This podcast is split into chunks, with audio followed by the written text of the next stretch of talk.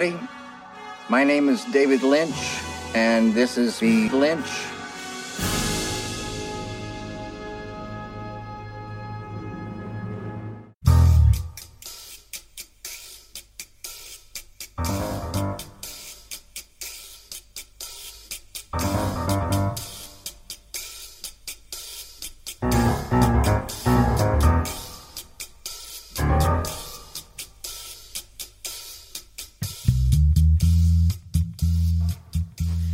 Gabon dagizuela guztioi, ongi etorriak denak, naiz zirratiko bilintx saiora. Zuen hilabeteko zine dosia emateko pres gaude, eta hasi aurretik pare bat oar. Hau, ez da bertso saio bat, baina bertxotan arituko gara. Hau zinearen inguruko saio bat da, eta spoilerrak egingo ditugu, bat pertzearen atzetik. Hilabetean behin, film bat aukeratuko dugu. Guk nahi duguna, eta listo! Nabarria! Hemen ez dago ezkidoirik ez prestatutako ezer. Hemen bakoitzak erran dezake nahi duena. Nomar! Bai, Ramon! Ostras, Baina, zer da? Lynch. Uste lehenengo programan ere hoi egite genula, ez da? Josu!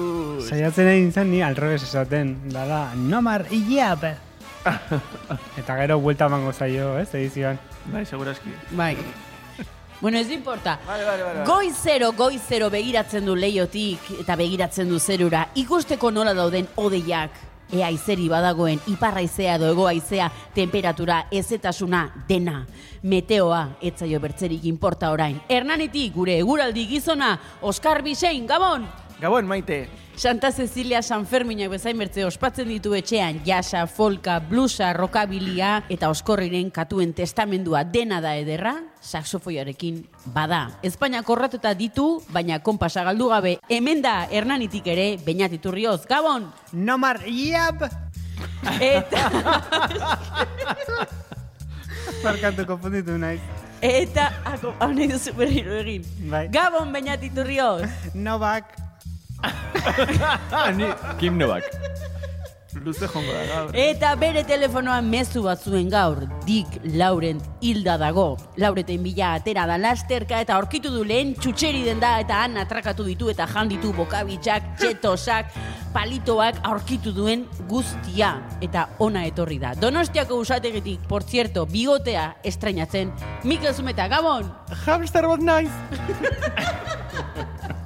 Eta gurekin da ere bai, kamorra gustatzen zaiona, maite bidarte. Gabon! Txirrindulari punkia. Gaur, bilintzen Lost Highway.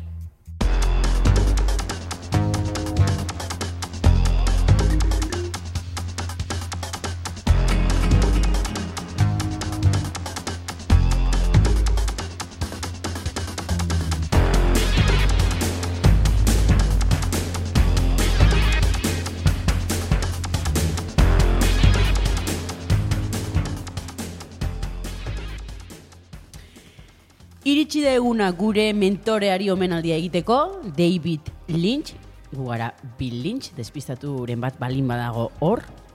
Eta... Landergarro. Eh? Landergarro. Eh?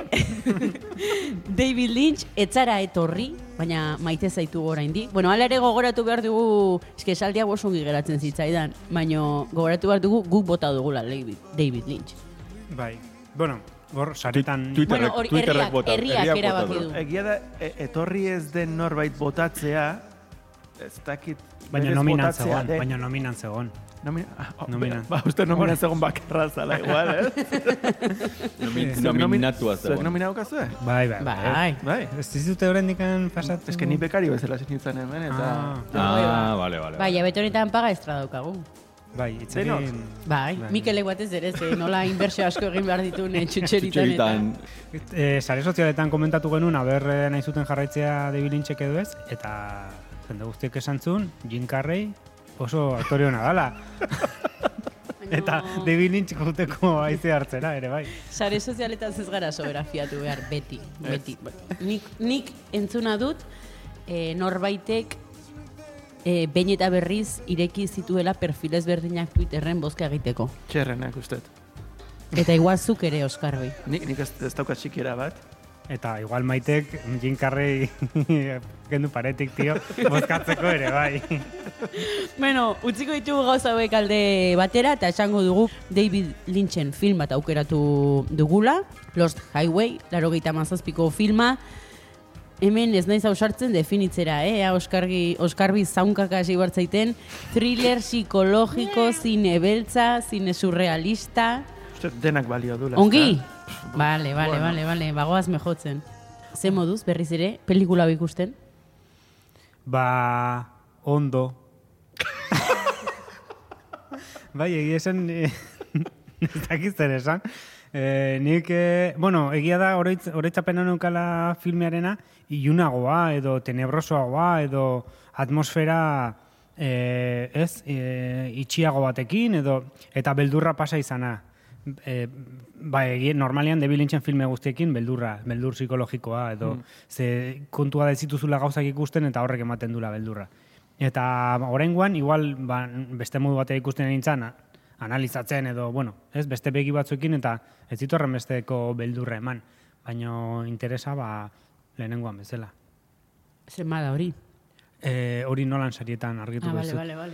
Ah, hori rentzulari esango diogu, gaur nola Desempate. azken saioa den, abenduko azkena, Eta urteko azkena, eta claro. urteko Eta azkena. agian betiko azkena, ez? Bai, e, Igual ere. Oskar Biri, claro, Oskar Biri ez? Ja. Eh, Eske kontratu. baina gehiagi jartzen ditu.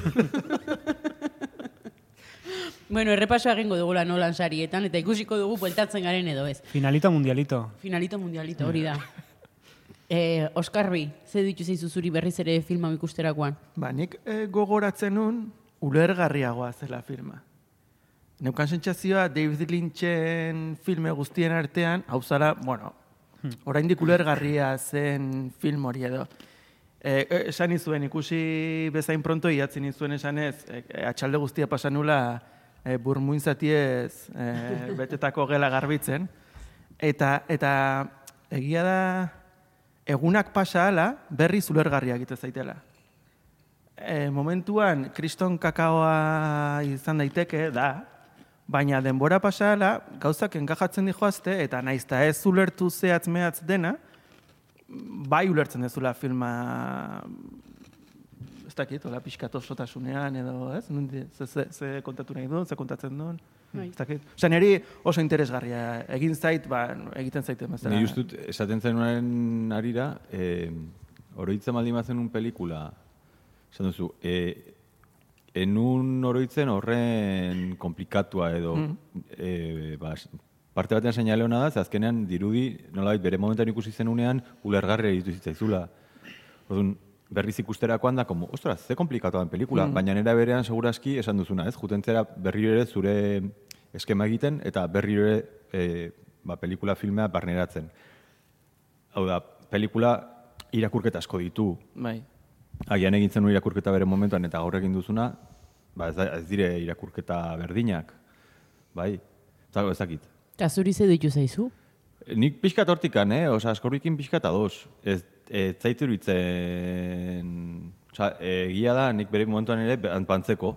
E, horitzapenan akam- ez da Blue Velvet, baina dago pixkat hor. Pixkat e, David Lynchen munduaren barruan, ulergarritasunaren mugan dagoen pelikula bat, eta nakan horitzapena, ba, pixkatagian ulergarriagoa zena, edo ba, ulertzen duena ba, eski errexe horrela, eta ikusterakoan orain zen, como, mm, ez, osa, ez, osa, ez, mm, o, ba, mm, osa, ez da, ez da, ez da, osa, badaude irakurketa asko egiteko, eta prestatu behar izan dut pixka bat. Hau da, ikusi dut, pelikula osoa ikusi dut, Osoa, eh, Mikel? Bai, bai, eh, Guau. barkatu, ikusi dut pelikula osua, Bravo! Bravo! Margarete. baina ikusi dut osua, eta ikusi dut eh, berriro biegunetara lehenengo zatia. Bi aldiz. Bi aldiz ez, ikusi osua, eta gero berriz lehenengo zatia berriz. Hori, beti ikuste dituzun bezala erdik alderaino. I- Hori, eh, ikusi dut, ba, ikusten dudana hori, osa normalean erdi hori, eh, baina aurretik ikusi dut osua. jende puntuala, jende inpuntuala, ordu aldatzen dutenean, nore iristen den ordu, ordu erdi berandu le- lehenago. Osa, zuk hau egiten duzu. Eh? Ez, Bang. Ni ez, naiz inpuntuala. Bum! Ez, ez, gaur ze trapero gauden, ez? hombre, hemen, la camorrena, esa, leporatzen izait, ez nire nizin puntuala, baina egia da, basa, bai eh, gertatzen zaiela puntualei, normalean ordu erdi berandu izten dira, baina ordu aldatzen dutenen, batzutan astutzen zaio ordu aldatzea, eta batzutan konzitzen du ordu erdi lehenago hartzen zaizkizula, eta esatezu, nola da posible, eta kao, berez ordu erdi berandu datoste. Egia da hori igual dela, hogei garren mendeko anekdot. Entzan, gaur egun mu- mugikorrak bakarrik aldatzen dute ordua, eta inkostienteki ja ordutegi berrian bizitze zehara, ez? Nahi gabe ere. Zaska. Ez, ez, ez da, ez da, ni gertatzen Badakit, ez da- esperi, daukazula impuntual bat zure oso gertu bizitzan, eta eta inor baino beto ezagutzen dituzula, segurazki olako gauzak, baino. beste gauza tinpuntualek sekula ez dute abioia galtzen. Baina, bueno, Oi, barkatu. barkatu, barkatu. Ni galdu ditut eh, transporte pila bat. Osea, Bai. imaginatzen dituzuen guztia. Bai, nik, Abioia ere. bai. Abioia ere. Behin eh, sokatirako Nafarroko finala nula, Ui, ui, ui, ui, ui. Madridetik, ez zu parte hartzen zenun? bai, A ber, Osea, a a ber, ver, a ver, a ber, Eta- Rubiko txapelduna eta sokatirako... bai, ez, nun titu, porque gainera hor nintzen zinean lan egiten, eta estrenatzen zen eutxi, oroitzen zate? Pelikula Bai, bat, bai. eutxi zena. Eta estrenatzen zen Madriden, eta ari nintzen hor prentsa koordinatzen. Eta ingenun besta, kristona. Eta maite gintzun abioia galdu. Eta joan nintzen azafatan gana, eta errantzean, pues galdu duzu zure bidaia, desmaitu nintzen disgustoz. Urrengo irudipena da, azafata bat, bai, bai. Azafata bat aizia ematen. Eta nintzen aietu, Nafarroko fi, eh, finalera sokantitzera. Zein zuten, kuriosidad? Galdu. Bigarrena gelditu Bueno, ziren. behintzat, Ah, bueno, joder. Lasaitasun hori daukazu. Aietu nintzen bestara, bestatik bestara. En fin. Zu nola Eh, ikusi ez du, pelikula? Nik, ikusi nun osua. Nintzen lokartu. Oskorrirekin, oskorri gabe. Oskorri gabe. Ez, nu, ez dut bat ere beldurri pasa, baina bai egia da bukatu nula, tarra nula. Zer da hau? Ta orduan, YouTubeko... Konfunditu. Bai, YouTubeko maestro itako bati esker, haren azalpenari esker, ba, ulertu nun. Ta behin azalpen horrein, horrekin filma gogoratuta, nun, ostra, egia da. Baino, hasieran pixu golitu nintzen, e, estado katatoniko, horrez nekila aitzon, aitzongi ze, ze pasatzen ari zen.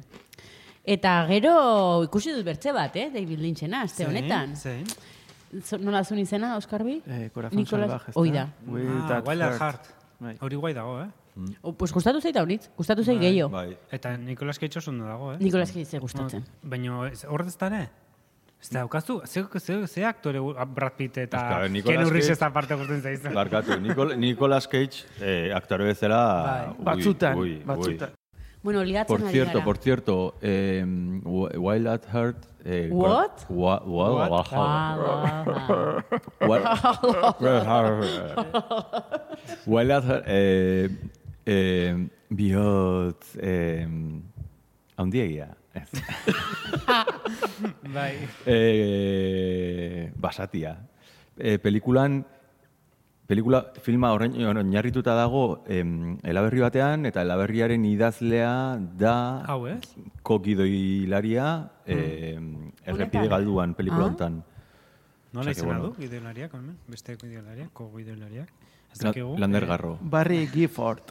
Barry Gifford. Txe, baina, esan zuk igual hobeto, Mikel. Ez dakit. Ba, Barry Gifford. Hor- Hoixe. Ez dakit, ez dakit. Vale, vale. Vale, pues... Hau holaxe. hau esan dena. Ba, nola esaria? Bravo. Guztia berren eta gero, badator momentua.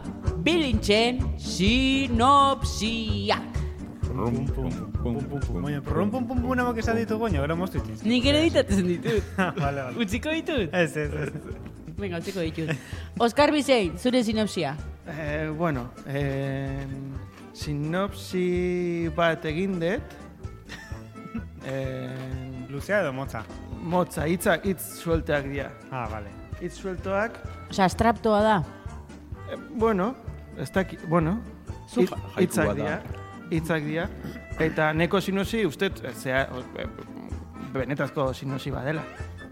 Eta espero dut, nire gabonetako desoa izango da, eh, olentzero urren urtean sinosi gehiago ez ekartzea. Baina, bueno, hori eskatuko diot. Eh, Bai, galetuko diogu. Bai. En, errepidea, txirrina. Tik lauren hilda dago. Saxoa, telefonoa, inor, zeloak.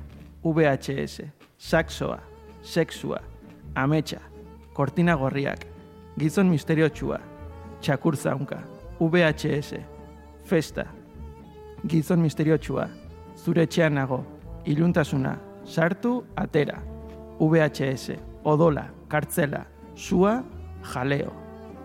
Jaleo, jaleo, errepidea. Bravo! Brillante. Joe. Ba, hori zeko, eh, Hori sinausi bada, eh? Eh, berez, ez dut ez da. Sinausi da. Aitz ongi. Bai, bai. Bale, nik egingo dut urrengoa, ze txapuza bat indut eta ez dut nahi azkera izan. ba, hau da EITB-ek egindako... Itz batzu sobratu zaizkit. Ai, barkatu. Itz Ah, batzu sobratu zaizkit, nire batzu pasatzen Venga, dizkizut. zeintzu dire? Ez, nire esan, zure sinausia txapuza bali bada pasatzen naizkizut mai azpitik eta... Ah, bale. Bale, eh, VHS. Venga, ba, hau da EITB-ek egindako mix bat. Eh, soberakin egin, sobera, eh, soberekin, soberakinekin egindakoa. Carlos Soberarekin egin. bai, antzeko parezido. Kontu da, diru laguntza batzuk kobratzeko, pues, ordu gehiago ekoiztu behar zitula, ETB, eta ordun ba, hasi zen, bakizu, gu frigo irekitzen dugun bezala ikusteko, aber, ze, ze gauza ditut ensalada batiteko, pues egintzun eh, ongi. Eta ordun pelikula honetarako deitu zitun mirri, eta mirriri errantzioten, e, a ber, ez egin listo paperak mesedez, honetan egin behar duzu misterio txuarena. Eta gero... Eta bekaina Eta pasatzen. Eta bekainak kendu. Eta gero ere hartu zuten protagonista bezala Son Gokuko Lounge, hori atxisik entzun hori, bazuna zena goxua eta maleretxea zuna, eta hori ere ekarri zuten seriera, eta gero, pues, bueno, protagonista bezala ez egiten hor hartu, eta nola beti dagoen pres, pues, Joxo Felipe Osmendi, e, deitu zuten, Freezer. eta eta hori xenta, orduan, badakizu jo, jotzen saxofona, bai, venga, ja, listo, completo. Hori da, sinausia. Maravilla bat iritzen za. Gutxi gora bera. Nik eh, hildo hortatik jarraituko dut, eh? Osea, pixka bate hasi dan rollo horretan, nik ustut hau dala eh, Laugarri- Laura Garrideren semea sartzen dala etan, eta, bueno, Berlusconi ezagutzen dut artean, eta, bueno, gero ematen du pixka nolabaiteko dezesio bat, e, Laura Garrido, ba, bere semea, ez, non sartuan ikusita, eta pixka bat, e, bueno, kontatzen du, karo, ez Laura Garriden ikuspuntutik, baizik, eta bere semearen ikuspuntutik, eta pixka hori da, e, bere semea eta Berlusconien arteko erlazioa. Ez da, bueno, pixkate nora Berlusconi dan bere, bueno, ba, ba, bueno, eragozten diona, ez, elor, bere nahiak lortzea, e, sin más. Wow, wow, wow. Lotxatuta. Zumeta, venga. Nago flipatzen, maite bidarte, gaurko ultrakonexioa euki duguna. Ze, nire sinopsiaren arabera, e, historia da ETB-ko gidoilari batena, da ETB-ko gidoilari bat, em, Lander garro? Ez, ez, ez. Da, gido, Gidoilari gido bat, hilari bat egiten zuna, egiten zuen lana super baten, eta dauka istripu bat kotxarekin, eta istripuaren ondorioz daka, e, daka memoria arazo bat. Eta ari da gidoi berri bat idazten, e, erteberako, saio baterako, eta izan daiteke zuk aipatutako saio hortaran lan egiten den gidoilari izatea, Seguru, seguru hori dala, eh, Mikel? Eta orduan kontua da, dago, e, kao, ditu em, em, memoria arazoak eta e, zen superbateko gido hilaria. Orduan, dago obsesionatua kiskurrekin, eta kiskur e, aizba bizki badaka.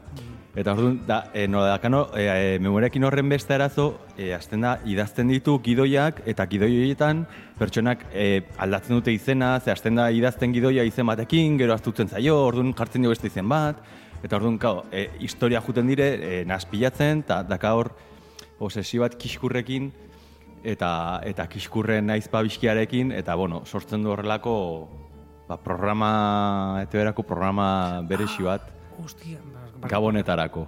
Karo, hau izango da, ETB lauean edo iruan botatzen zuten, eta Anderlipus eta e, mi, mi, miren, miren gaz... Gaztañaga. Gaztañaga. Aurkezten zutena ontza bat zegoela eta hartzeukatela estenarian, igual hori izango da, saioa.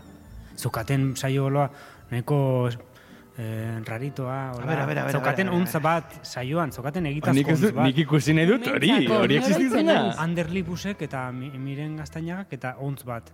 Baina gaina, ondarrabakin lortzen egiala historia debili, no seke. Ontza.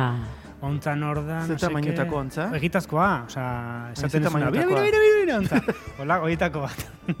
e, eta, bueno, ba, jo, pues, nik uste dut honekin... Fini. Claro, es que pelikula honekin erlazionatuko ditugu orain arteko be, amar pelikulak. Jo, ba, Ja, nere, por- nere, nik uste ja hemen txutzuko nuke saioa, eh? Bai. Bai, zuen bigarren eh, saiakera da saioa bukatzeko milion ez.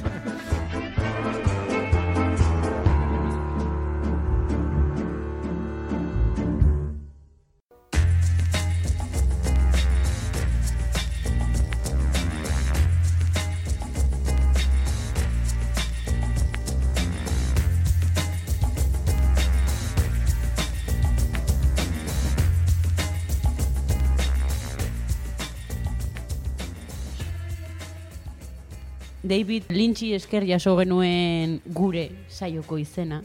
Eta pixkat omenaldi kutsua dauka saionek eta David Lynchen filmografiatik filma aukeratu dugu. Bazitun bertzea hainbat, aukeratzeko, binon, zuek hau aukeratu zenuten diot, zuek zenik ez nuen aukeratu.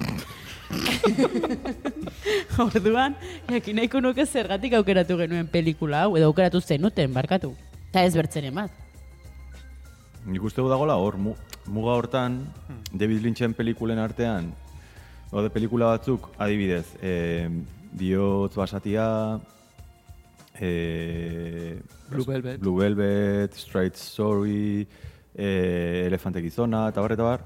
Eta horiek daude, pixkat, e, komia tartean lintxen estiloa eta estilo natural, neutral baten bide hortan. Eta nik uste dut e, errepide galdua Lost Highway dala pixkat lintxen estiloa benetan mantentzen duen filme ulergarritasunetik hurbilen dagoen filmetako bat. Ze urrengoa izango litzateke adibidez, e, Twin. Peaks, e, urrengoa Twin Peaks. Esaten ez zute ne- urrengoa uler Bueno, ulergarritasuna. Bueno, uste nun uler, urrengoa... Claro, eh, ulergarritasuna- barkatu. ulergarritasunera jo, jota, esan dut, bueno, Blue Txoti. Velvet ere hor antzeko Bai, baina ere- ulergarriagoa da Blue Velvet. Bai, bai, bai. Bai, bai. Eta, eta gero jasten zea jaisten, ba, best, linealak eta ez hain abstraktuak dira noietara dira, ba, ba hori izan zuen, Stray Story edo, edo Elephant Man edo, Edo Dune, edo bai. Dune bera. Baina, Bai. bueno, Dune segurazki atako da, baina Dune da beretzako nik uste dute pelikula klabetakoa, ze hori ikasten du edo hortikan ateratzen lekzioa da, ez utzi inorri azken edizioa Egiten. Bai. Nik uste Twin Peaksek hasi zala pixka bat mundu hauek, ez? E, Eta pertsonai hauek, eta iluntasun hau en, Hostias, mugitzen. baina, baina eski ireserje daukazu iruita ma, Bai, baina uste- zurtetan da ireserje, Bai, iruita ma, zazpi. Bai. iruita ma zazpi. Bai, Hostia, uste un lehenago, zara. bai, bai, baina, Jo, lehenago, oraindik. bai, baina bai, bai, nahiz eta zaku hontan egon bai dela oraindik ere... Hogei urte beranduego da...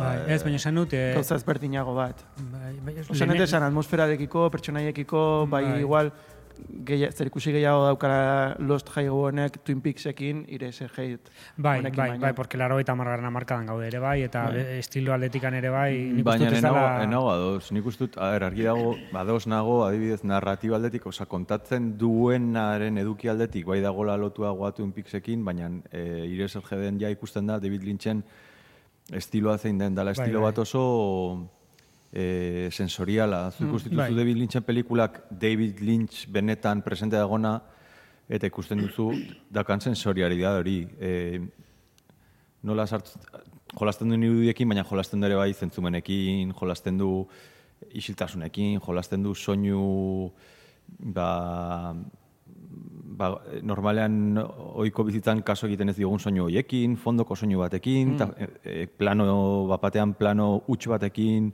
radiadore batekin, e, zarata batekin, eta nola jolasten duen, ba, zentzumenen bitartez eramatera nonbaitera, ez? Eta ja hori ire den ikusten da. Bai, bai, bai, ez dut esaten ez ez. Bai, bai. Nik, bueno, garatzen jungo eh? baina nik uste dut ez dela zinegilea tipua. Ose, uste dut dela artista eta artista bat zineman sartu dana.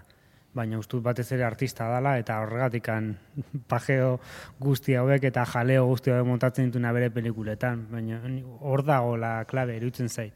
Bere zala da, ez? Berak arte ikasketak ditu.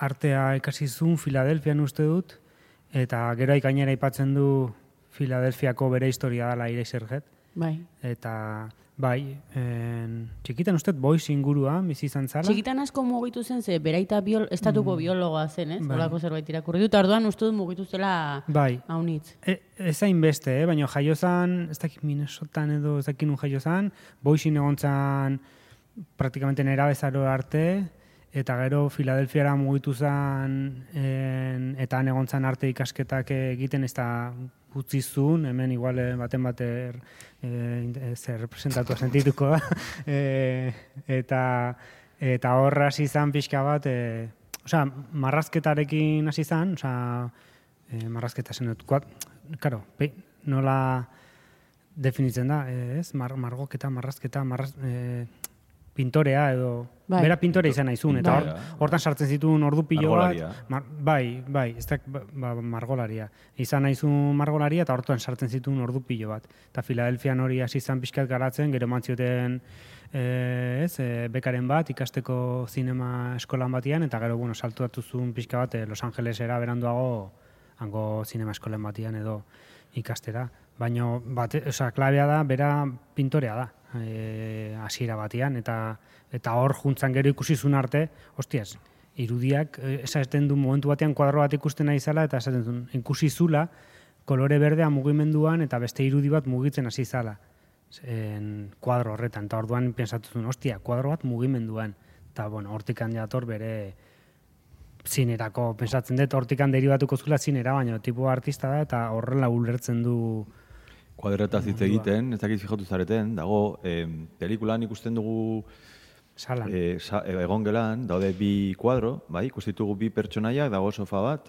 e, telebista, eta telebistan gertatzen den, bueno, hor, e, egoen gala hortan gertatzen dire, estena batzuk, konkretuki, non ikusi dituzten irudi batzuk e, telebistan, ez? Eta atzean, daude e, bi kuadro, eta isiltzen dire pertsonaiak, eta fijatzen baldin bazarete, bi kuadroiek ez dakit ez dut bilatu, ez dakit zer Bai.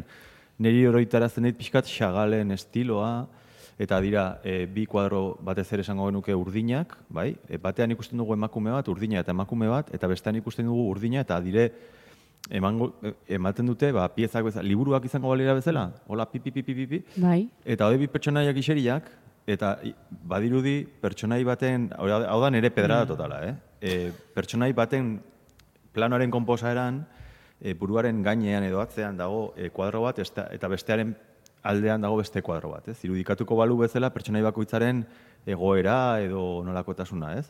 Eta nik uste hor, e, pelikulan badaude estena batzuk oso piktorikoak, oso e, e, aldetikan oso aluzinanteak, eta lehenengo erdi hortan, iruditzen oso interesgarria etxearen barruan gaudenean, eta etxean gertatzen diren gauza kontutan harturik, beti, fijatzen baldin bazarete, e, plano komposizioan, bi e, pertsonei protagonistak beti agertzen dira e, pareta bat, bai? Pareta horrek euki ditzake ba hor bezala, ez? Ba, e, koska bat bezala, edo pareta bat, e, non amaitzen den, eta gero atzean dago beste pareta bat, eta dago beti planoa apurtua, bitan, bai? Eta bi pertsonaiak ez daude inoiz e, pareta berdinagatik sostengatuak. Beti dago pareta bitan banatua, eta beti dago pertsonaietako bat pareta batean, eta bestea beste pareta batean. Eta hor ikusten da, hor daude gauza pilo bat, i- konposizio aldetikan oso oso oso interesgarriak pelikulan. Baten digutela, mor... Ku- Kuadroak, kuadroak? Kuadroena nahi gustatzen zait, e, kuadroak irudikatzen dut, nire ikuspuntutikan ez daudelako hausaz kokatuak dauden tokian. Nire sentsazioa da, ematen digula nolabait esatera, pertsonai bakoitzaren mundu, e, barne munduan zer gertatzen den. Orduan, batean egongo litzateke emakume bat dagola ba, e, emakume bat, eta ikusten dugu kuadroa, irudikatzen dela pertsona horren barruko zea hori, eta ikusten dugu emakume bat kuadro hortan. Beste pertsonaiaren paperean ze ikusten dugu, ba, ikusten dugu kaosa. Et, hori da iruditzen zaidana, pixkat badagola, e, irudi guztiak badakatela zerbait, ez? Irakurketa bat, osea, puntu azkeneraino badakala denak ze- irakurketa posible bat, ez? Nire horregatik gustatzen zait asko lintx. E, aipatzeko kakadatak igual botako ditut i- Bai. zea- zean zehar, e, Abisatu saioan gabe. zehar, bai. E, kuadroiek dia bere mazteak edo momentuko emazteak pintatuak, eta etxe hori da berak, David Lynchek berak diseinatutakoa, eta bere jabetzakoa dara, uste Hollywooden dagoela. ta- Bere ekoizpen etxea da. Ez koizpena, ez, ekoizpen etxea, esan dut, eko, Esan, bera pintatzen Bere- ibiltzen da. Baina bere Baina etxea erosi da. zuten etxea pelikularako, Be, dut bere etxea dala. Bere eh, etxea. Bai, Hollywooden, da. Hollywooden daukan etxeetariko bat, Ah. eta bera diseinatua da. Eta kuadroak, ez, ez, oiek fijo diala bere emazteak egindakoak, eta ez dakit gehiago, agar, gehi kuadro gehiago agartzen dira filmean zehar, baina ez dakit oiek bai ustu diala. Egia da berak esaten dula, aipatzen dula, etxeko Bai. ataria moldatu zula naita pelikularako. Hau da, ez dela berez ikusten duguna pelikulan, Hmm. eh, ez dela bere, berez etxean zegoen eh, ataria edo. Eta pasillo uste dut ere bai. Eta kontatzen du, eh, Dick Loren hau, hori da nahi pixkat, Bere- hori bire- pixkat flipatua, hori benetan pasatu zitzaiola. Bai. berari. Ah, bai? Bai, bere bizilaguna Osea, zara. que benetan Dick Loren existitzen da. Eta norbaitek esan zion berari, telef osea, telefoniatik esan zion eh, Dick Loren hilda dago. Osea, hori benetan gertatu zaio berari. Eta berak sartzen du pelikulan, eta itzakia pixkat. Nik uste hor dagoela, eh, pelikula bertzeko klabea, eh? Osea, Bai? Ez, horrelako gauzetan, ose, ez dut, bueno, gero garatuko dugu, baina ez dut horrelako gauzetan dagoela bere pelikula ulertzeko klabea, osea, hori eta pintore badala, osea, artista badala, eta, eta, eta, jazta, ez nuke asko zurrutiago eramango.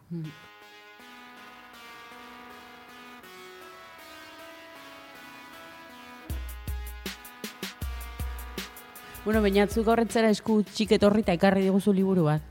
Bai, ekarri dute harrapatu urrekoloreko arraia, dala David Lynchek eh, idatzizuna, eh, pensatzen nun bere garaian ezin nunien kontatuko zitula, ez, misterio gehiago bere sorkuntza prozesuari buruz eta horrelakoak, baina egia esan ez du, karo, berak ez ditu sekula kontatzen bere pelikulak ez ditu esplikatzen. Eta, eta, eta irutzen zit ere ez daukala horrelako diskurso garaturik ez da ere, beste zuzendari batzuk eduki ezaketena, eta Eta espero nun gauza kontatuko zitula, baina ez ditu gauza handirik kontatzen. Egia esan beti kontatzen du gauza antzekoak, ez? E, arraiak dia ideiak eta ideia horiek arrantzatu inbardia eta eta bueno, pixkat hortik handi joa, bueno, arraiak arrantzatzea eta meditatzea eta eta eta hori, eta edizio finala zuk eukitzea, eta hortan ustut resumitzen dara David Lynch. Eta Baina, nola, daude pasarte desberdinak, ekarri tutola hemen e, bialin izuen aukeratzeko liburutikan, ba, ba, pasartenen bat beste, eta ekarri ditugu gero, ba, programan zehar, ba, spam bezala botatzeko, ba, ez, Lost, Lost Highwayeko txirri agertzen da moduan sartzeko hemen kalfadorearekin edozein momentutan. bale, bale, nengo txirria Mikel izango da. Zen ez dute peta bat egitea, o... Ez, irakurtzea. Irakurtzen dut orduan? Bai. Bai, venga. Arrantza. Ideiak arrainak bezalakoak dira. Arraintxoak harrapatu nahi badituzu, ur ez oso sakonetan gera zaitezke. Baina urrekoloreko arraina handi bat harrapatu nahi baduzu, ur sakonet sakana, sakonego, eh, Sakanako uretan. Sakanako uretan, murgildu zaitez, mesedez. Sakatu bat. e, sartu behar duzu. E, sakoneran arrainak boteretxoagoak eta garbiagoak dira. E, handiak eta abstraktuak dira. Eta oso ederrak. Ozen pentsatzera, ideia, kontzeptuak, e, irudimena. Nik arrain mota garrantzitsu bat bilatzen dut. Zinemara itzuli daitekeen bat. Baina hor behean mota guztietako arrainak e, egiten dute igeri. Badaude arrainak negozioetarako, kirolerako, denetarako arrainak daude. Dena edo zer maila sakonenete, e, sakonenetarik sortzen da. E, fisika modernoak eremu bateratua deitzen dio maila horri. Zenbat eta gehiago zabaldu kontzientzia, ordon eta gehiago sakontzen dira iturri honetarantz eta handiagoa da arrantzatu daitekeen arraina. Meditazio trascendentala praktikatzen darama dan hogeita amairu urteak funtsezkoak izan dira niretzat. Zineman, pinturan eta bizitako alderdi guztietan egiten dudan lanerako. Arrain handiaren bila murgiltzeko modu bat izan dira. Bravo! Mi esker sakanako entzule guztioi. Bueno, horra aipatzen duna azkenian da, e, entzun deguna, ozen dute, konparatzen ditu e, ideiak e, arrainekin eta arrantza, arrantza egitearekin. Eta konparatzen du, gero aipatzen du meditazioaren ere bai, eta nola berak meditazioaren bidez sartzen dan mm, ba, azkenean ametxen mundu horretara edo mundu subkostiente horretara edo edo edo ze, bai, inkostientera nola murgiltzen den eta inkostientetikan ateratzen ditu gauzak. Gogorarazten zian, uste dut eh, Julio Cortázar zela esaten zula, eneik historiak ez ditut hartzen, osea, historia daude han eta airean, osea, existitzen dira eta ni naiz kanal bat zeinaren bidez komunikatzen dian historia hauek. Orduan, nolabait, e, horregatik esaten du, dago daude ar, arraiak mundu guztiarentzako, inbarrezunen bakarra da sartu, e, murgildu urra hoietan eta aterako zezkizu ideiak. Eta, eta horretarako erabiltzen du berak meditazio trascendentala deritzen hori, ba, pixkat murgiltzeko, konparatzen zuen en, fisika kuantikoa konparatzen du, nola, ba, bueno, kuantum bat, geroz eta maila altuagoetara igo, bere, bere kualidadeak aldatu egiten dira, ez? Eta ez dute balio fisika kuantikoko legek, ez dute balio fisika, e, nola da? E, e, Mekanikoa. Mekanikoan, edo, bueno, Einsteinek ze gara, ze, ba, bueno, ez du, ez du funtzionatzen. Bai, Newtonianua, fisikan, ez? Ez daki kuantikoa eta bestia ez daki zindan. E, bueno, baina, mekanikoa izango da, ba, ez daki, ez daki zindan. Baina, bueno, eta berdina egiten du, paralelismo egiten du fizikarekin eta eta eta psikologiarekin edo subkostientearekin. Aipat, aipatzen duzu mm, Cortázar, Bai. eta, e, eta dirudienez, e, errepide galduan filma hontan baditu paralelismo asko Borgesekin eta e, Bodgiagekin, beste idazle batekin, Simulakran simulazio. hori da, hori da. E, nik uste badakala... Ba, hor badago ere bai, diskurso aurreragoak hasi hitz egin dezakegu, irudiaren inguruko eta irudikapen, irudiaren bitarteko irudikapenaren inguruko diskurso bat, zer den errealidadea eta zer ez den errealidadea, ze filman ikusten dugu nolabait, irudien bitartez irudikatzen dena, kamera baten bitartez jaso daitekena, dela errealidadaren irudikapen e, fidedik noena edo, eta berak nola esan de, dezakegu nolabait auzitan jartzen duela pelikulan, e, eta hor badago esaldi oso garrantzitsu bat, Bai. Dala pixkat hori, e, ez da, bo, Norberak gogoratzen duela nahi duen bezala. Ez dakite da. esaldi esaktuan. Hori da, hori da, hori da, hori da. Hori esaten du, esaten du Benderrek ere bai, eh? E, Futuramako Futuramakoak. kapitulo batean, esaten du, bai, esat, egitan, eh? Esaten du, osea, jo, hemen bakoitzak ikusi horrelin badu mundua nahi duen bezala, ez? Pues imaginatuko nere bizitza, ba, erromako zubiekin eta modu pastel, pastel batean, eta eta punto, hau da nere bizitzaren ikuspegia, eta jo, Bai. Ez? Ze, ze ondo fres- Bender, eh? Fresonismo korrontea Bai, edo... bai, uste dut presionismoaren aldera tiratu zuela. Eta hori robot bat dela, eh? Igual horregatik. Ez da, nola nahiko robota. Freso botak. Hori da kazetaritzan, uniber... bueno, zuk, ah, ez zuk historia ikasi zenun. Baina kazetaritzan hori da ikasten den lehenengo gauza bat. Bueno, lehenengotakoa dela Ah. eh, erreala gauza bakarra da, eta erreal horretatik bakoitza bere realitatea asmatzen du. Cortázar, sortzen du. Cortázarrek beak ere, tra, e, uste kontatzen zula, nola da, e, Nicaragua, mi, nika, ze bat intzunez, liburu bat nola zen, mi Nicaragua... Ez dakit nola izena zuen, baina Nicaraguako hist- gerraren inguruan edo idatzizun zea historia bat, osea, e- eleberri bat edo, ez, eleberri bat ez, e, ez dakit saiakera bat zen, o zer zen, baina bueno, kontua da kontatzen zula e, bere moduan, esan zuen ba, ez, ez, ez dugu kontatuko modu periodistiko batean, ze azkenean subjetibotasuna sartzen da tartean, eta subjetibotasun hori albo batera utzi beharrean besarkatu ezagun eta kontatuko dugu e, ba hori, ba Nicaraguaren historia, ez, edo gerra hori edo bueno, iraultza hori ba, ba modu subjetibo batean. Eta ustut hori nik ez, ez dakit baina ustut kazetari, kazetaritzan aipatzen dela Julio Cortázar precisamente horregatikan, ez? Osea, alde subjetibotasun subjetibotikan eh, errealidadea, jorratzen dulako. bai, errealidadea ez dela, eh, nik uste eh, eh, filman ere aipatzen dela pixkat ikuspegi hau, errealidadea izan daitekeela gauza eh, eh, egi bat, errealidadea egi bat dela, baina inorrek ez daukala aukerarik errealidade hori ez eh, jasotzeko, ez bir sortzeko. Orduan, eh, ez du importa ze bide erabiliko dugun, izan daiteke oroitzapena, memoria, izan daiteke bideokamera bat, izan daiteke ze, ez dula jola ze tresna erabiltzen dugun, errealidade hori irudikatzeko eta bisortzeko garaian nolabait eh, aldatuko dugulako, ez?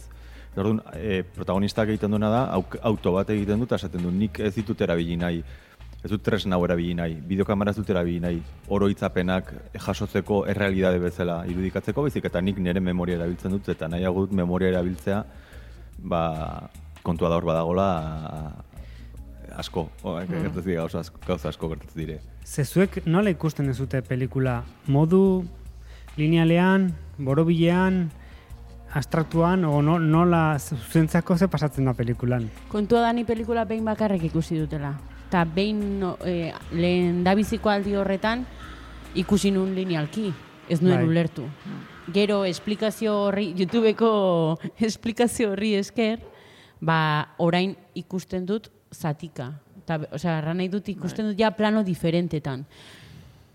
Baina lehenengo aldean ni kronologikoki bizitu Claro, nuen. Neri ere ho- hori da esan nahi nuna hasiera batean nik e, orain gontan, e, bueno, orain gontan eta aurrekoan ere, filmea ikustekoan, linealki ulertu nahi horretan, Hmm. ez dezu hainbeste ulertzen. Baina egunak pasa ala, zoaz e, gauzak ulertzen, osea, zuk ere oroitzatzen duzu pelikula, ez, ez modu lineal batean, baizik eta gertatu dian gauzak, ez? E, eta orduan go, ulertzen duzu gehiago modu linealean ez denean, ez den momentu hortan.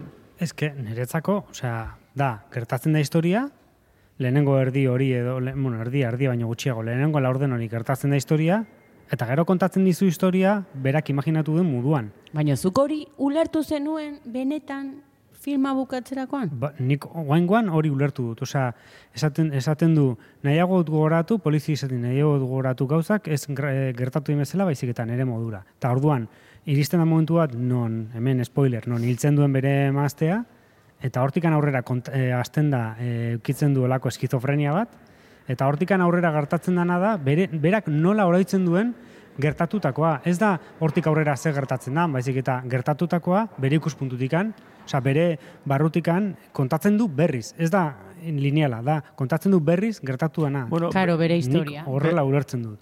bai, berri, eta- berriz baino gehiago ikusi eguna baino aurretik ikertatuko zen horren historia. Nik uste dut sartzen dela, e- ez, e, e, bueno, bai, sartu ditzazkezula, baina eske hor ja hasten geha uste dut a, analizatzen modu lineal eta e, razional batean. Eta uste dut ez dala ametxen mundutikan eta e, hortikan ulertu behar dala. Eta ordun, osea, eta gainera kontua da jolasten dula, irutzen ze jolasten dula gurekin, ematen izkigula horrelako gauzak errepikatzen nienak lehenengo historian eta bigarrenean, inkluso ematen du dagola borobiltasun bat, ematen du dagola ziklikotasun bat, Eske batek badago. beste hasten dela, Hasiera eta bukaera berdina dira. baina nahi irutzen zait, hori e, debilintzen trampa, osea, trampa bat dela edo jolas bat dela, osea, irutzen zaiola graziosoa, ze ez dut uste, osea, neut, botatzen ditu horrela gauzak, eta egiten ditu horrelako lokarriak histori batetik bestera, eta ematen dizu impresioa de, ostia, hemen lotura bat dago honekin. Baina irutzen zait, ez ez, osea, neut, bai dago lan lotura bat, baina dala zerbait bera jarri duna, eta dago lotuta, baino ez modu lineal batean, eta horregatikan sartzen zenean bukle horretan imposible da teatzea. Nik Eta sartzen zenean analizatzen ezin dezu ezin dezu leku on batera iritsi ze eta ordun saiat, osea, Eta zaude galdua errepide batean. Claro. de hecho hasten da Oso ongi. E, eske, a, ni- pelikula nik uste tortik, badago gogo esaldi bat, dala hau, aipatuzuna maite, dala, em, e, garrant, ai, pertsonai batek aipatzen duela, da, e, garrantzitsuena dala oroitzea gauzetaz, norberak em, e, nahi duen bezala, e, oroitzapenen bitartez ez zer, Me dago este esaldi bat, esaldi bat niri oso interesgarria iruditzen zaidana, eta ni uste dut ez, ez, ez zaiona baliori, bali askorikan eman, eta da, em, e, pertsonai Dick Lorenzen pertsonaia, Mr. Ed, Mr. Ed diren pertsonaiak esaten duela momentu batean e, kokatzen gaitula, nik uste dut e, filmaren erpinean edo erdigunean. Dala, e, errepidean. esaten du, e, naiz oroitzen, esaten, pixkat memoriz esaten dut, eta Bueno, dakatot- gogoratu nahi zuen bezala, Mikel. Ja, ja, hori da kontua. E, aipat, ez dakit oso nola esaten du, baina no, uste dut esaten du, esaldi batean, aipatzen du momentu batean, e, eriotzera kondenatua zaudenean, edo horrelako zerbait, e, ez du axola zer nola edo zenba denbora e, e, pasa daiteken azkenean e, toki batean zauden non iritsiko da momentua, horrelako zerbait. Eta nik uste dutela pelikularen e, pixkat muina, ez? Badago errepide bat, eta hor badaude pertsonai batzuk, eta egin dezakegu irakurketa bat modu batekoa, beste modu batekoa, hau pertsonai honen e, bikoitza da, edo ez dakit zer, baina guztiak daude errepide hortan, e, eta ez dakigu oso ondo, osea egin daitezke irakurketa asko, baina daude errepide hortan galduak nolabait, eta errepide hortan, ba, ibili daitezke aurrera eta atzera, baina errepidea etengabean berdina da. da bide bat, beltza, marra hemen izango lirateke marra Horiak. txuriak, baina filmean horiak dire, eta, eta, eta ez dakigu aurrera atzera non, noiz, zergatik, ez? Ja. Baina, bueno, hor daude personaje batzuk, eh, adibidez, bueno, Mystery Man edo Chirri, Txirri. edo niretzako hori Ash ere izan daiteke. Eta, Ash ez? alien. Ash, Osa, ni imaginatzen dut bertan, Ash, alienekoa, Eta da, txirri. Bender, ez baina, joe, ez da... txirri, osea, Txirri ez da, bueno, gure, ez Mystery Man hori, eh, tipo, hau, eh, gainera, bueno, horre dauka historia bat, tipo, ez dakizinan aktoren izena, ze Euskarri jakingo du igual, Robert Blake. Robert Blake hau, eh, esan- bueno, eh, ez, ba, gertatu zitzaionak Keanu Reevesi espiden, ez, esan zitela, bueno, ez, grabatzera bazta, etorri zitzan tipua rapatuta, ia rapatuta, itxen barri izan zuten pixkat ia astea, porque zeukan oso motza. Eta etorri zara tipua bekainak depilatuak eta txuriz pintatua eta trajeatua, eta, bueno, pues hola, eta, jo, perfecto, David Lynch ez, emozionatuta. Ez, ba, ba, bravo, ez, eh, baina tipo horrek gero, kizun, eh, Bere azken filma izan zen hau. eta- filme batzuk dela, baina tipo berezia. eukizune epaiketa bat bere emaztea katuta akusatua Mm, izan bai. zen, eta horrela. Espekatu, bueno, me- Mister, Mis- Mystery Man edo Txirri esaten duguna, lehenengo historian da Mystery Man hau edo Txirri, bigarren historian izango zen Eddie, edo Robert, Log, eh, Robert Logia, edo, bueno, Dick Lawrence. Dick Laurent izango zen mist, eh, Txirri dana lehenengo Enago batera historian. dauz, enago batera bate eh, batea dauz. E, bietan da eragozten duena lortzea bere nahi hori. Bietan e, Osea, e- ez du lortzen, bietan da, bueno, misterimen gehiago da, e, beldurraren edo, edo Zel- gaiz, gaizkiaren, dira? Zel- gaizkiaren representazio bat, e, hori bere ikusten dugu da Bob, Twin Peakseko Bob da e, hemengo txirri, osea, eta behin da berriz, eske tipoak erabiltzen ditu simboloak behin da berriz, eta eta erabiltzen du beti berdina dauka mikro, mikrokosmos bat montatua, beti erabiltzen zizkizu kortina gorri horiek agartzen diela Bai, hemen ere bai, bai. agartzen zizkizu Kea, bai. bai. edo kea edo olako gauzak eta eta ez egiten ditu gauzak e, personifikatu, osea simboloak, osan e, irudikatu beharrean e, ez dakit, ba gorrotoa ez dakize personari gorrotoa, gorrotoa da persona bat. Ez da tipuak sentitzen dula gorrotoa, osea, agartzen zaizu, osea, simboliz, e, personifikatzen ditu, Simbolizatzen ikusita daukazu, zuk e, pelikula hori de Diana bakoitza da aurrekoan aipatzen genuen, Bai, marrazki bizunetako. Inside Out. Inside Out. Bai. Inside Out, ba, Inside Out da oso David Lynch eh, personifikatzen ditu eh, eta simboloak personifikatu egiten ditu. Et- Eta, eta are gehiago, osea, simbolizateaz gain, gero interaktu, osea, ematen du simbolizazio, emozio baten simbolizazio izateaz gain, interaktuatzen du aktore, osea, Bai. beste pertsona bat izango balitz bezala. Ze hemen adibidez galetzen dio berari ikusi ez dute tipo Bai. hori.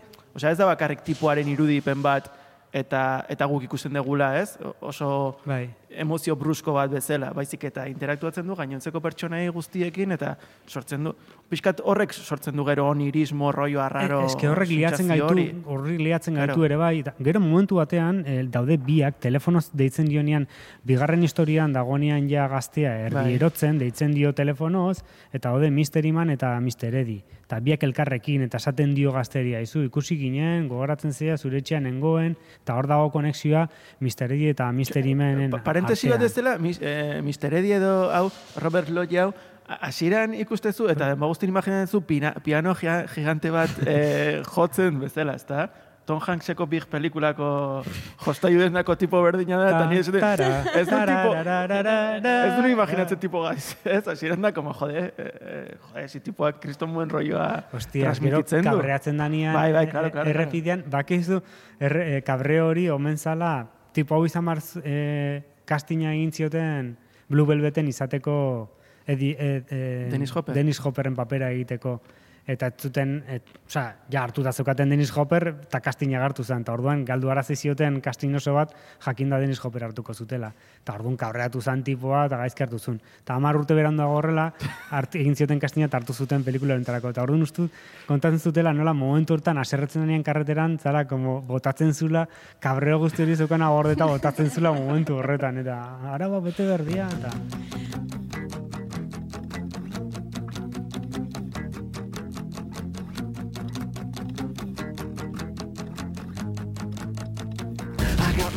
but my head is unraveling. Can't keep control, can't keep track of where it's traveling. I got my heart, but my heart's no good. And you're the only one that's understood. I come along, but I don't know where you're taking me. I shouldn't go, but you're reaching, dragging, shaking me. Turn off the sun, pull the stars from the sky.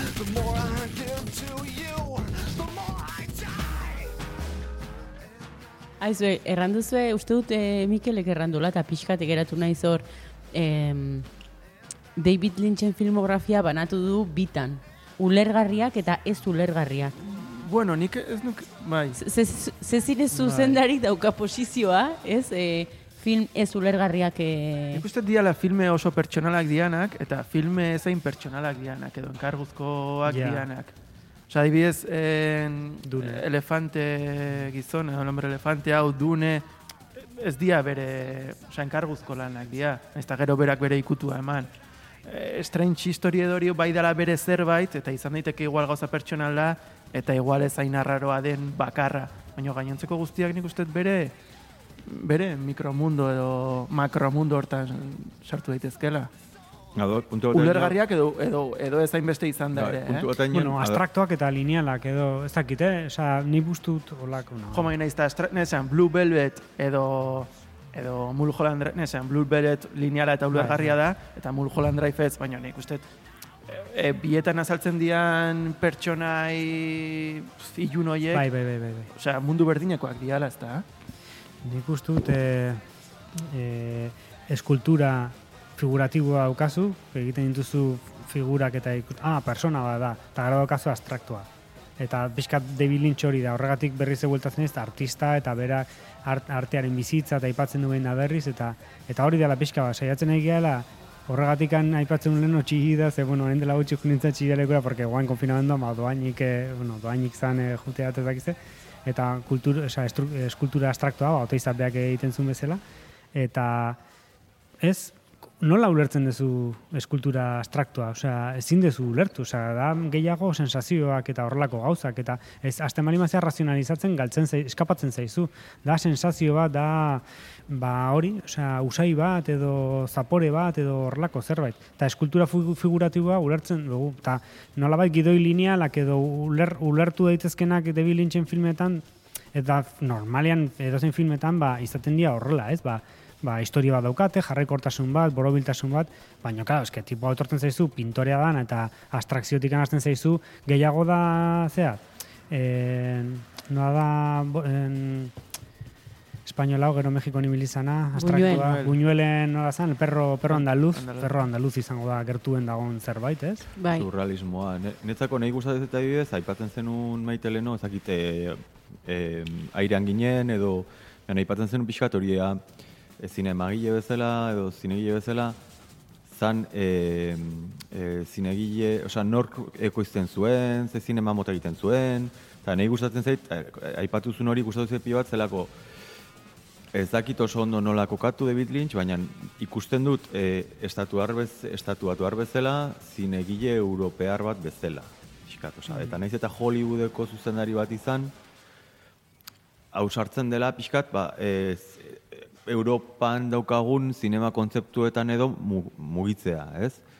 Eta Oscar Bik esaten zunarekin lotuta, e, ba, igual hori, em, egia da, eta e, zuk aipatuzunarekin ere maite, egia da, e, pelikula ulergarriagoak edo ez horren ulergarriak edo baditu, baditugula, eta gian dala enkarguaren arabera, edo pertsonala edo ez pertsonalaren arabera, baina naukitzea gaitasuna esateko, ba, filme hau enkargoa da, eta emango dizkiot ukitu pertsonal batzuk, eta eta utziko dut linealtasun batean, ulergarritasun batean, eta gero beste batzuetan, errepide hau ikusten dugu, edo ikusten duzu Inland Empire, ikusten duzu Pasada. Eraserhead, eta amatxo matia, osea, David Lynch, Hollywood, eipatu erranduzu. Bai, Holly, Bai, bai, eh? ez? Nik uste dut badagola Bai, bai, bai, establishmentean edo esta, eh, Hollywoodeko da pixkat eh, daka estatuz hori enfant terrible edo, ez? Bai. Zine, zinegile...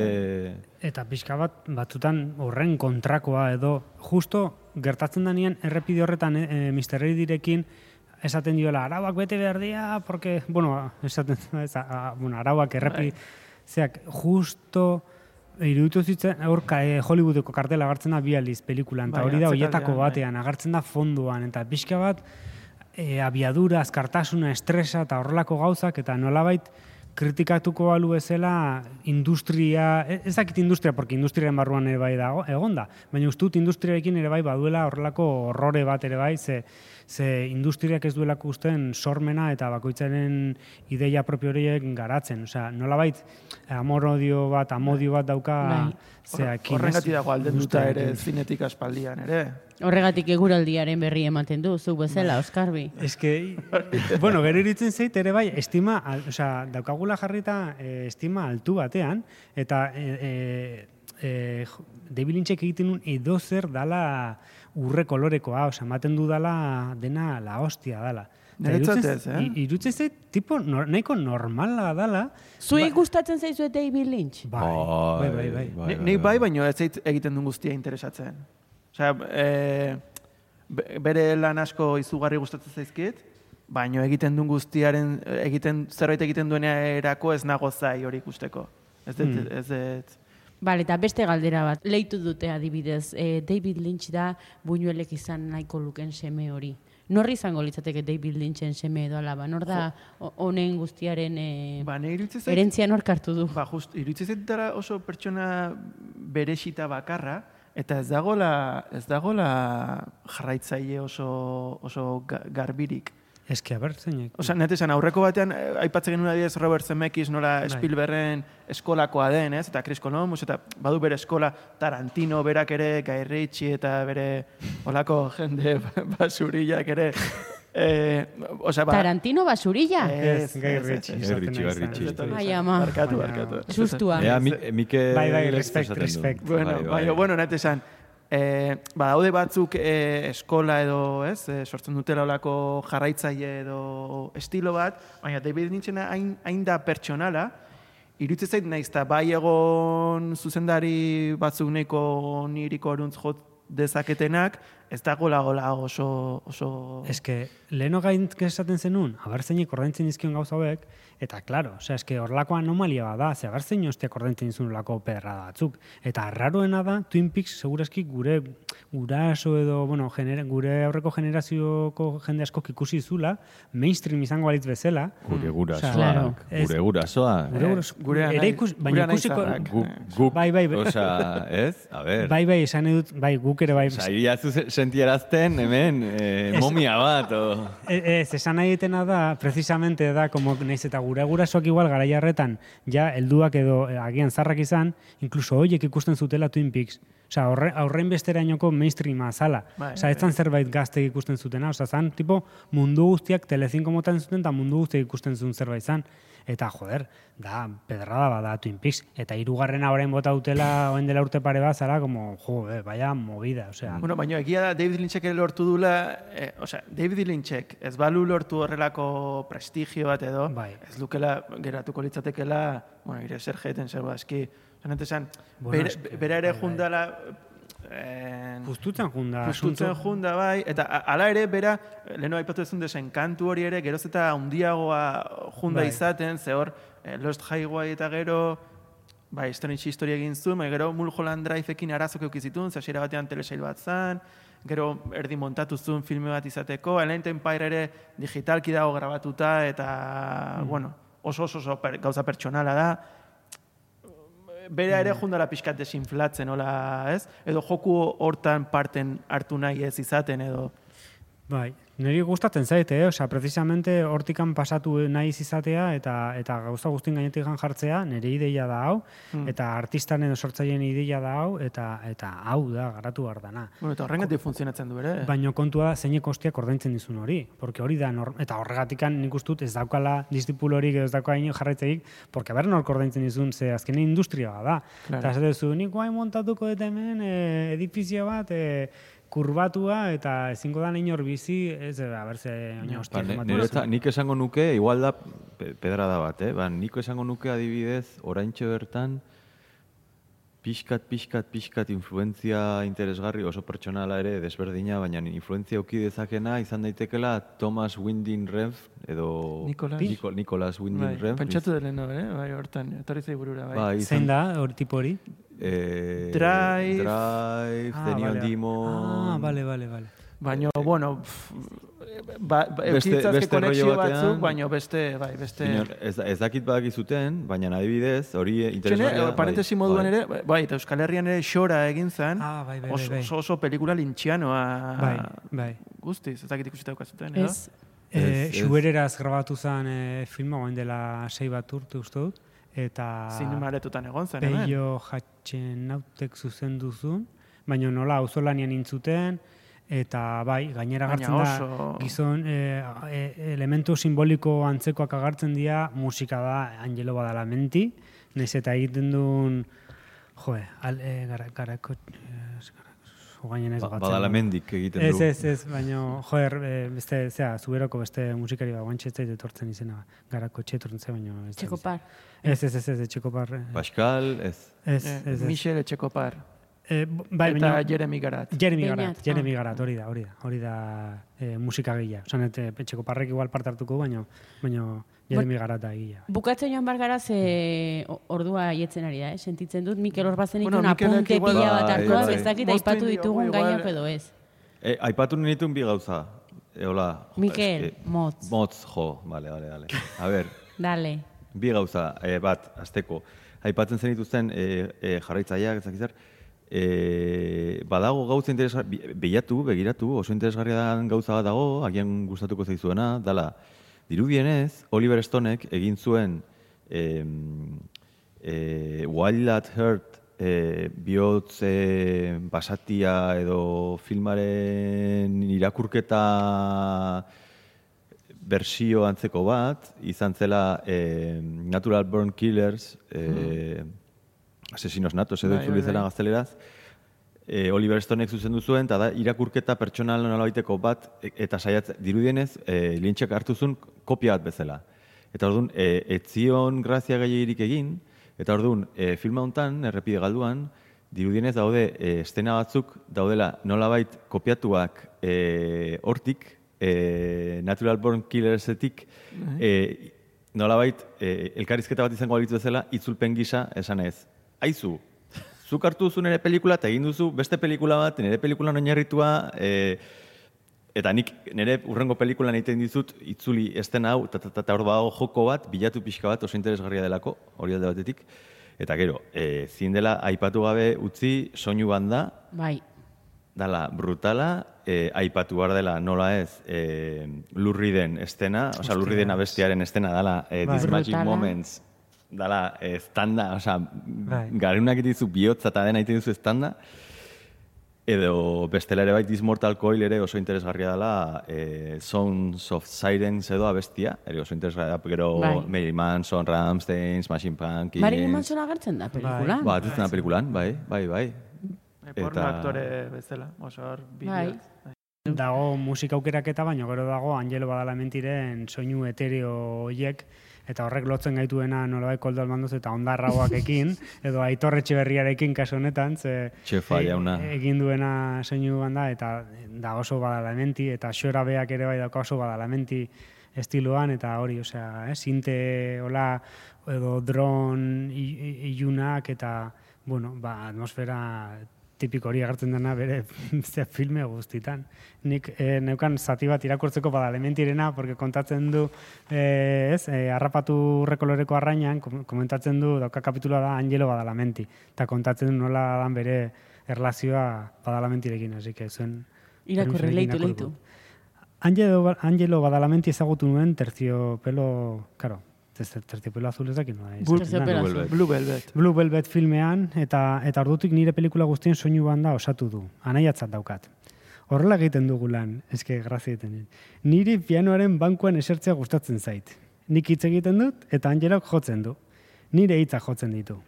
Baina batzuetan ez ditu ulertzen eta oso gaizki jotzen du. Orduan esaten diot, ez, ez, ez, Angelo.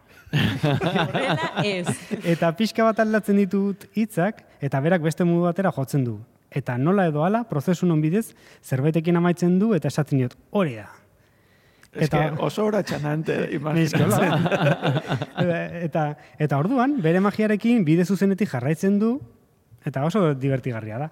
Angelo aldameneko bizilaguna balitz, egunero egin nahi nuke. Baina bera New Jerseyn bizi da, eta ni Los Angelesen.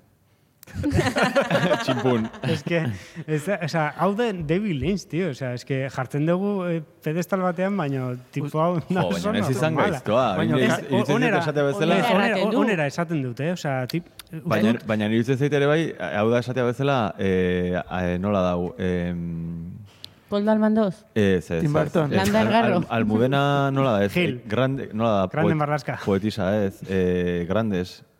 Ah, Asturiarra. Almudena, grandes. Almudena, Almudena, grandes. ez... Eh, eh? Gloria Fuertes. Gloria Fuertes. Almudena Grandes. Toma ya. O sea, gustatzen zait. Gloria Fuertes. Almudena Grandes. Toma ya. Bueno, bueno. Gloria Fuertes. Ulertu, ulertu da, ez? Nere ne, nemotecnia eta nere... O sea, bueno. Eh, Gloria Fuertesei berdina egosten zitzaion. Eh, gauza egiten zitula, bueno, ez dakit zer, baina nor badago eduki pilo bat, oso Bai, polita bai. eta oso sakona. Uste dut lintxe dakala, eh, gauza nahi firratian gaude, hori, eh, badakala, zeak, eh, naiftasun hori, ez? Eta Bai. eh, xalotasun hori, eta gero badakala eduk, ditula eduki pilo bat oso sakonak, eta gian ez ditula zertan ez da azaldu behar. Bai, bai. Hor daude, orduan... eh, Hori bai, baina ematen du karta hori udalekutan, ez? Zure guraso Bai. idazten diezun karta horietako bat dela. Nahi- naiftasun guzti horrekin. Bai, bai, bai. Ez ez, ni- nik on, e, positibotikan esaten dute, osea, nik, osea, miresten dut, eta baina dagoela bereal inguruan dagoela horrelako fan zea bat, e, Mito, fenomeno bat. bat, eta horrek sortzen du beste David Lynch bat, e, agian ez den existitzen.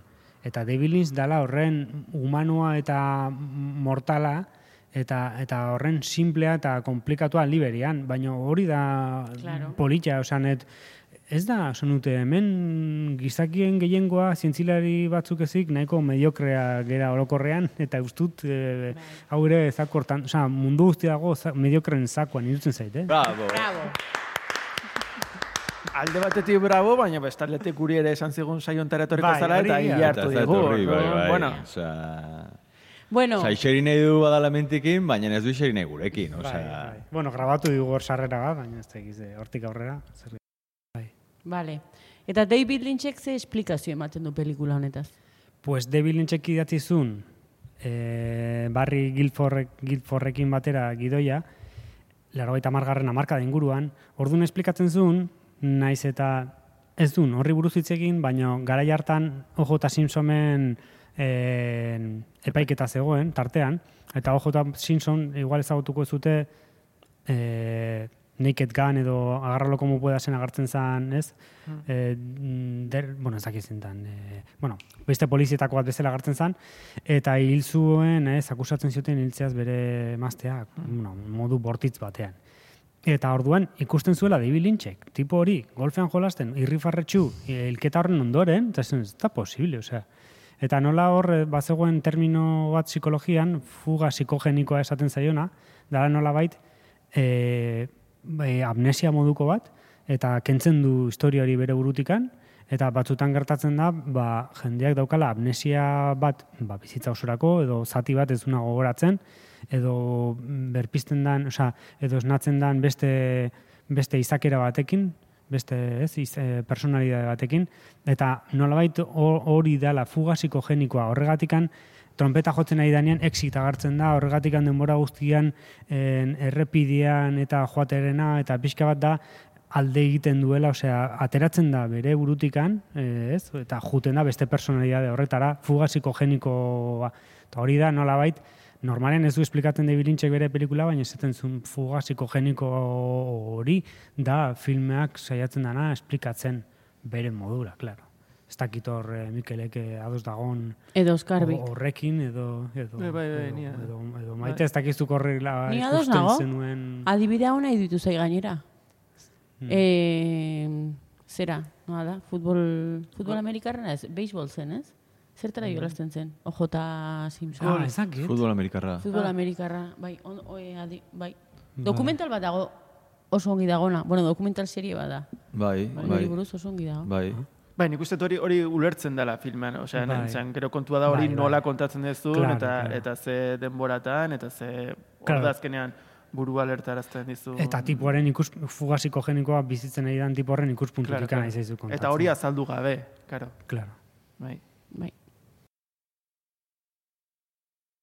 Egia esan, eh, eh, David Lynchen filmak ikuste, ikusteak eh, mm, egia esan placer bada, baina gero ematen du jokua hitz egiteko ja. teorietaz eta eta inkluso zuk ez zen YouTubeen pasaituzula, ez, orduak desifratzen, ere egia esan gozada bada jendearen teoriak eta eta zen nola ze interpretazio eta egia esan marabila bat. Bai. eta- Adibidez ikusi dut pelikulan momentu batzutan protagonista kotxean doanean e, agertzen da horrelako kolore batzuk bezala, Bai. xuriak. Bueno, pues tipuak erraten zuen zela e, silla aulki elektrikoa. Bai, ze gaina aurpegia desfiguritzen zaio bukaerako eszena hortan. Bai. Egia esan hor, filma hor bukatuko litzateke. Kartzelan ret- regresio edo bere regresio imaginatu hori eduki ondoren, bukatzen du e, silla elektrikoan. E, Bai, hori bai. Bueno, eta gauza guzti hauek erranda, orain bai, iritsi da momentua. Nolan saria! Nola, nola, nola. Pom, pom, pom, pom, pom. Lehenengo Hori egingo, sinopsia dira. lehenengo egingo dugu, Psikogenika. lehenengo egingo dugu film honen sinosiak. Osea, nolan sariak, ez da? Ah, hostia. Honena, claro, zu egin. Egin Claro, lehenengo... Venga, hemen daukat tablatxo bat, ze gero mundialito, finalito, do finalito, mundialito, ez dakit aitzongi nola den, egin behar dugu. Emeraz, ordena jarretuko dut, baina atzeman nolan eman nahi dizkiozu film oneri. Bi. Ez daukat esplikaziorik. Bi eta... Bi, bi, Ah, bi, ostras, bi, bi, bi, ostras, nola, ez, ez nola, nego nola. nolan mundua. Bi. vale, flipatzen. Jarri du aurpegi bat euskarri. Bai, barkatu, barkatu. Flipao. Bi, bi eh, ba, eh, gu- gustatzen zaizkit eh, Blue Velvet eh, eta Mulholland Drive nahiago ditut, eta Eraserhead bera ere bai. Oie, baino, bueno, honi bi emango nioke. Listo. Zuk maite? Jo, ba, ba, ba nik ez dakitzen bat eman. Claro. Inon, benetan ez da ez dakitela eman. Ez que ez dak, ez dak, ez, ez dakit. Bueno, Osa, ez da gustatu, ez em- gustatu, da, eman zerbait sentitu, aratago. Sentitu, Ja. Eman zaldi bat. edo gorria eman. Bai, bai, bai, bai. Nik bi emango diot ere. Nik emango dizkiot Amar Lynch. Oh, hostia puta. Oain nahi da liatzen tipoa, claro. Kabum. La vuelta de la vuelta. Joder. Claro, claro. Osa, Lynch da noranen kontrako... Eta itzul, nola, nola itzultzen dugu hori, claro. Osea, osea Marlin zer dia, e, beratziko ma, edo, a, ama, zero... Deitu beharko dugu estadista bat egiteko. Ze- ze- zero nola? Gure hurrengo gonbidatua. Eh, baina nolanetara pasata? Uf. Ja, eske hor nik uste dut, Baina zure ustez hau da David Lynchen honen adibidez? Osa, amarre eman diozu, ja, ez, e, e, David Lynchen honena, Ja, David Lynch igual ditu amabi, ez ditu amar. igual. ez, Baina egongo litzateke honen, honetako honenen artean, osa niretzako orekatuenen artean bere lintz... ulergarrienetan orekatuena. Ba, osa, ulergarri ez horren ulergarrien artean, hau da, lintxenak direnen artean, ed, izan ditezkenak oso pertsonalak, oso lintx, oso e, naspilatxoak, baina nera berean ikusle bezala ez dire Inland Empire. Ikus duzu Inland Empire eta da jangoiko matxia, hiru ordu eta esaten duzu, osea, nago lobotomizatuta pelikularekin, benetan, ordun, ordun neri eta ire serge dago super guai, baina bai eskatzen dizu da eh, energetik, energetikoki ere pelikula da eskatzen dizula bai egotea oso ulertzen pelikula, zakiz zer, ordun. Hau netzako da? Jak? Jak, bai. Ordun, nik usteko dut hor, Amar Oskarri. Super tramposete. Bai, bai, oso, pues, ze, ze, Ze gero gero ez- media iteko ez du balio. Bueno, nine, oza, ni naiz pixkat, eh, naiz ez dut esango naizela pixkat Lynch, naiz pixkat Launch. Soy Lynch. Yo soy Lynch.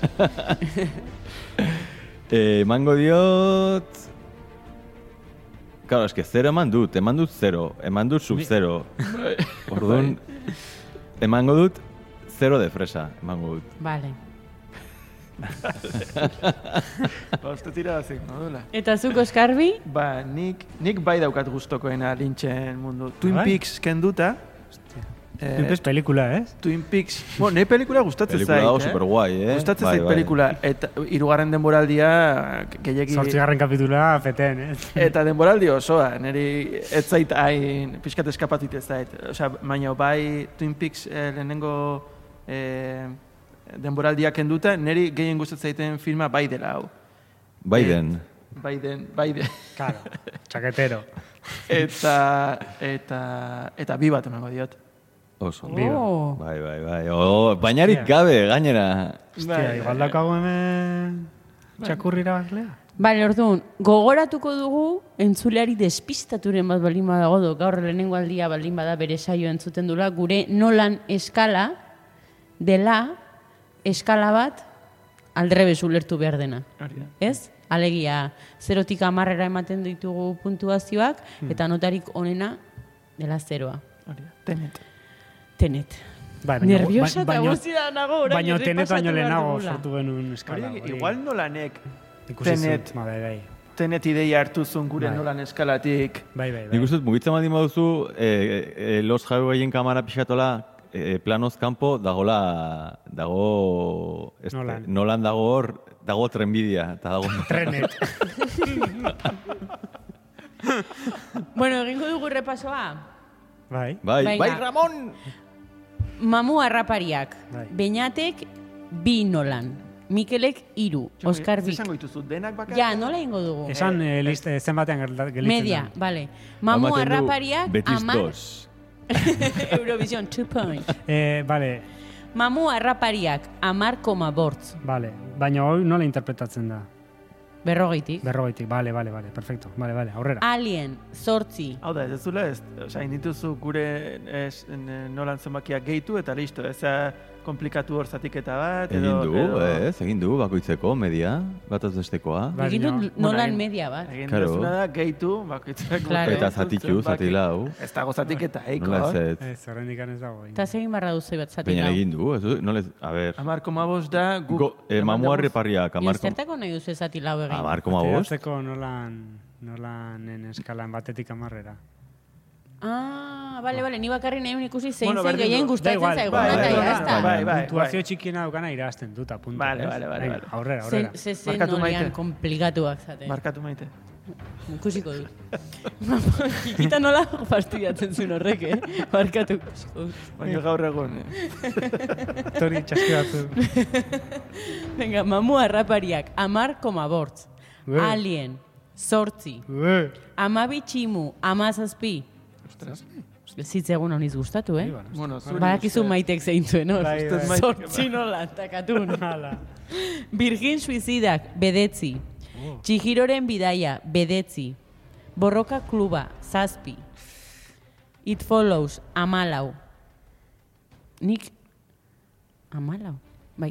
Bla, back to the future, amasei. Eternal Sunshine, bederatzi. Edward Scissorhands, amairu.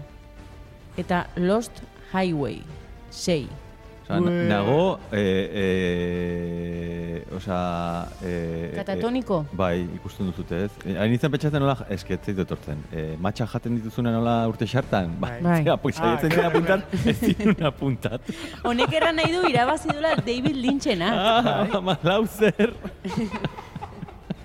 David Lynchek, eh, David Lynchen los hauiek irabazi dula, sei punturekin jarraitua alienengatik, ez? Ez. Ez, barkatu, Ez. borroka kluba, ez? Borroka kluba.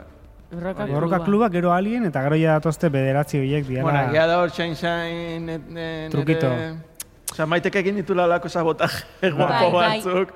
Baina, O, bueno. bai, orain leitzen ari nintzela ikusten ari niz pixkat Eternal Sunshine pixkat injustoa dela, eh? Porque zuek entzuten bat, 0, 0, osea, Lost Highway baino nota hobeak izan Bai, zituen. bai, bai, bueno, bai, egia da, gero zuk botatzen nuen, ze botatzen nuen. Pixkat Nik vengantzan. Claro, claro. Bai, ez da oso justoa, eh? Bueno, baina hola dia, nola saria. negozia baina- dezaket, negozia dezaket. Ez, ez, ez, ez, baina horrelakoa Ez, baina nire gustatzen, ez, nire gustatzen zait, azkenan Ikusten denolako da bakoitza pikotia, beste batzuk. Ez, Eh, ez, baina guai dago. Osea, azkenan hori ikusten dare, bai, ikusten, ikustut pelikula bat. Bueno, ba, guai dago, ondo dago, ez dakiz zer, la, la, la, eta, como, jarriko dio sortzi bat. Eta biz, ontan da, como, ikusten duzu pelikula, eta da, pelikula horren eh, klasifikatzen zaila bezala, esatu zula, eske, pues, Egin? Pues venga, osea, zaut, dago guai netzako pelikula honek, adibidez, maitek esango balu, pues ez desun truñaker. Pues ez, jarriko zun zortzi bat, baina dauka koesio gaitasuna. Ja. Film honek? Bai, Bueno, ez, esan ez, dugu, bueno, esan dugu, igual gu artean. Eh, bueno, baina... hombre, gu lauron artean, bez, no, norekin bestela. Bueno, Jo, niri jakoitu grazia zuen. indite errepasatzerako zenik It Followsi bi eman nizkion neskak pusker bat botatzen dulako. Oso, Oso erronago puntuazio horretaz. Egia da, Lost Highwayek irabazi dula, baina inorek ez diola puntuaziorik onena eman, ez da? Ez. Ez, Ez? adibidez, Eternal Sunshinen egon zian 0, bat, Minus zero. minus 0. Bai, bai, omen...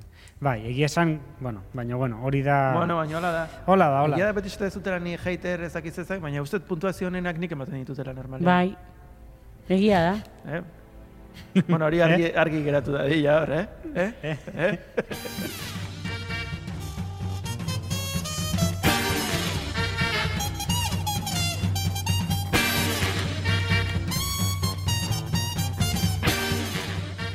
Ba, agurtuko gara. Jaten ditugu matxa, kurren urte arte agurtzen du jendea.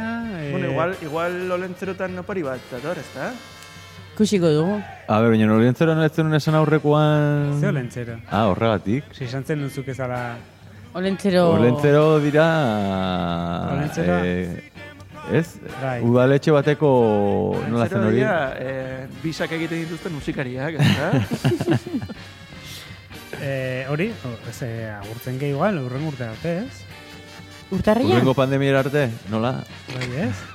Bueno, itura zarrak ez dira ez dira galdu behar. Esaten- mesedez, gogoratu gure sare Ohitura sozialak. bat dala konfinamentua? Orain urteroko ohitura bat izango dala? Ez, ez, ohitura da sare sozialak errepasatzen, Ah, eh, errepasatzea gure azafotoarekin. Itxoin, eh? E, e, agurtzen dugu, oza, errankatzen dugu eta agurtzen dugu ja urren urte... Tandola nahi duzu errankatu. Aita gehatzen oso bukaera enpantanatu. Bai, bai, gero- Horregatik Bai, eh? antzan pixka bat, oza, bukaera bukatzeko nola baite... Bai, igual bai Ramon, bai Ramon, eta bagoaz, ez da, Bai, edo? ez? Vale. Bueno, ba, nolan sari hauek banatuta gero eta gure sari berezia inoiz etorri ez den horri eman diogu pertsona ona gara, eh? Bai. Bueno, ez dago saririk ere. Bueno, gure orea. Hori bai. Haietu da ordua agurtzeko eta horren urtera arte, eh? 2000 eta hogeita bat arte. Bai. Bueno, kronologikoki bali joa, bai. Hori Ez dugu saltorik egingo Beñat Rioz, Mikel Zumeta eta Oskar Bisein. Eskerrik asko. Zer bat izan da zuekin egotea, datorren urterarte. Urte berri on! Bai, Ramon!